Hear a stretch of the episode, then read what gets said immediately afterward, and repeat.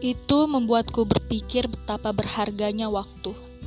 Sebuah investasi besar yang tidak bisa diambil lagi, dikembalikan, diulang ketika kita sudah menggunakannya.